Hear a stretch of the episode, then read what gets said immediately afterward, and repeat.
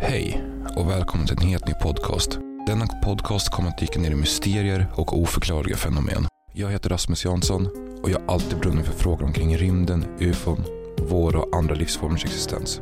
Är vi ensamma i universum eller kryllar det av liv där ute? Detta ska vi dyka ner nu. Vi kommer nog inte få något svar på våra frågor, men säkert en hel del nya funderingar.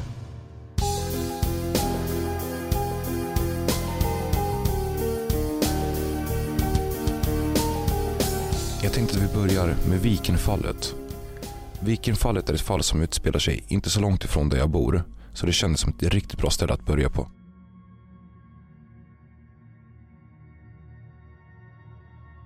Vikenfallet. Vikenfallet är också känt som mysteriet med kristallcirkeln. Det utspelar sig i en liten bruksort vid namnet Gyttorp. Gyttorp ligger cirka fyra mil norr om Örebro och i Gyttorp bor det strax under 700 personer. Orten är mest känd för sin sprängmedelsfabrik. Fabriken bedrivs idag av ett bolag ifrån Australien som heter Orica. Vikenfallet utspelar sig vintern 1976 på den lilla sjön Viken som ligger i anslutning till sprängmedelsfabriken som på den tiden hette Nitro Nobel. Onsdagen den 21 januari klockan 21.00 på kvällen Allan Jansson påbörjar sitt skift på fabriken Hans uppgift är att bevaka driften och oskadliggöra en syra som bildas vid framställning av nytt glycerin. Anläggningen som Allan jobbar på ligger nära sjöstranden. Ifrån hans fikarum så ser han ut över sjön Viken. Vid halv elva tiden på kvällen gör Allan sin tredje inspektionsrunda. Han lämnar fabriksbyggnaden. Han går ut i vinterkylan och ser ut över sjön Viken. Precis som så, så många gånger förut. Men denna kväll så ser Allan någonting konstigt. En bit ut på den annars mörka sjön kan han ses som en lång rad med ljus. Den här kvällen var det ingen måne som var synlig och den starka lampan som satt en bit ner på området kunde inte den heller bidra till någon synvilla. Allan antog först, så som vilken normal person som helst skulle anta, att det rörde sig säkert om någon form av ljusögon som man kunde se skymta i mörkret. Han gick lite närmare för att lättare kunna se vad det faktiskt var för någonting han skådade. När ögonen vant sig i mörkret så framträdde ett stort mörkt objekt som verkade stå på isen. Han var inte mer än hundra meter från föremålet och han hade aldrig skådat någonting liknande. Han tyckte att det liknade som en rund ost fast med tvära kanter. Allan uppskattade föremålet till att vara cirka 120 cm högt och 35 meter i diameter. Den långa raden med ljus som Allan sett visar sig vara fyrkantiga fönster eller öppningar som det strålar som ett gulvitt ljussken ifrån. Och detta ljus speglas inte ens i isen. Fönstren uppskattades till att vara cirka 30 x 30 cm och var placerade längst över hela överdelen av föremålet. Allan tyckte sig dessutom känna sig iakttagen när han såg detta. Under de kommande timmarna var han ute i snitt tre gånger per timme för att titta på föremålet. Det fanns hela tiden kvar på samma ställe och även ljuset var oförändrat. Sista gången han såg detta var strax efter klockan tre på morgonen den 22 januari. När han vid fyra tiden gick ut för att titta hade föremålet försvunnit. Allan bestämde sig för att inte säga något till varken arbetskamrater, arbetsledning eller familj. Han antog att de säkert bara skulle tro att han blivit tokig. Den följande kvällen började Allan sitt skift precis som vanligt.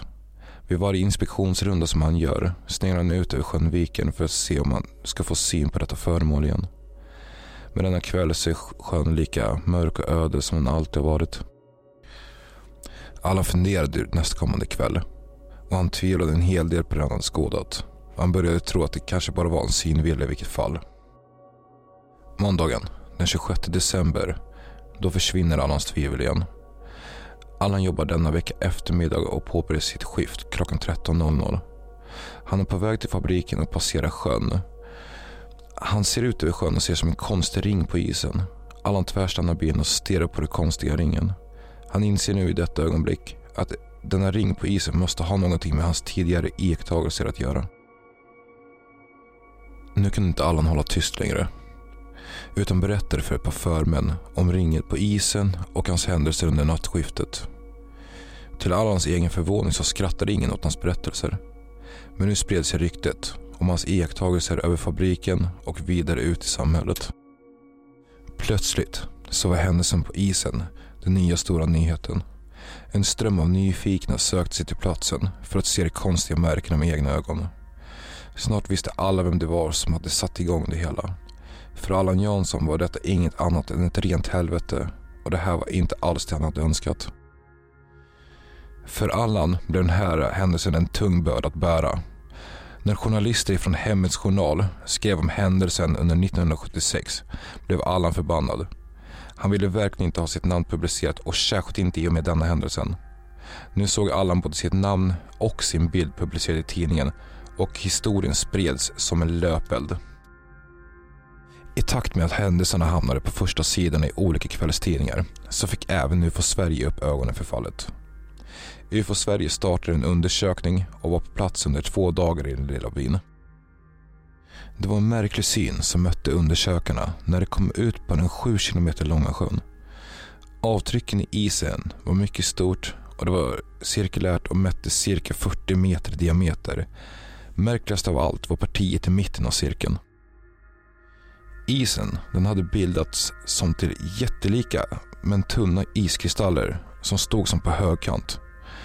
Storleken på kristallerna närmast centrum var cirka 15 centimeter medan kristallerna fick en allt finare struktur ju längre ifrån centrum de hade bildats. Längst ut var det endast 3-4 centimeter höga. UFO Sverige passade även på att intervjua lokalbefolkningen. Det kan vara så att Allan inte var ensam om att observera ett okänt föremål över Gyttorp den här kvällen. En annan person anställd vid företaget var tillsammans med sin fru på promenad vid 18.30-tiden samma kväll. Paret fick då se ett rött fast ljussken över sjön Viken. Sedan så försvann det, men det kom tillbaka sen igen. De tyckte att det var underligt eftersom det ställde sig stilla över sjön. När de kom hem från promenaden fick de se att föremålet rörde sig i nordost i riktning emot Nora. De trodde att det var en helt vanlig helikopter fast de inte hörde något ljud ifrån den. Men de blev fundersamma över att det röda ljuset inte blinkade som det brukar göra på en helikopter. Föremålet var aldrig nära Nitro Nobels fabriker så länge de kunde iaktta det. Det befann sig mitt över sjön innan det försvann. Och här, här tog historien slut egentligen. Ingen kunde säga vad det egentligen var. Den ena sa att det var ett oidentifierat föremål som såg ut som en rund ost med trekantiga eller kantiga kanter. Och den ena sa att det eventuellt kunde vara en helikopter. Så här var det ända fram till mitten av 2006. Då fick UFO Sverige ett brev ifrån en viss Ingmar Skyström, en välkänd helikopterpilot, men då i 70-årsåldern. Sjöström mindes att han hade passerat den här sjön någon gång i januari 1976. Han fick dock bekräftat när han skummade igenom en av sina gamla loggböcker så såg han att han tillsammans med en elev befunnit sig över sjön Viken någon gång på kvällen den 21 januari 1976. Alltså samma kväll som Allan Jansson gjorde sin iakttagelse. Och det här är ju väldigt intressant. Att under så pass lång tid så har folk trott och misstrott Allan Janssons historia om vad han skådade där ute på isen denna kvällen. En sak är ju säker att Allan såg ju någonting. Sen om det var ett ufo-liknande fenomen eller om det var en helikopter, det vet vi inte riktigt. Det är riktigt intressant att Ingmar 2006 skriver in och berättar om vad han hade gjort med en elev ute med en helikopter på den här isen just den 21 januari 1976.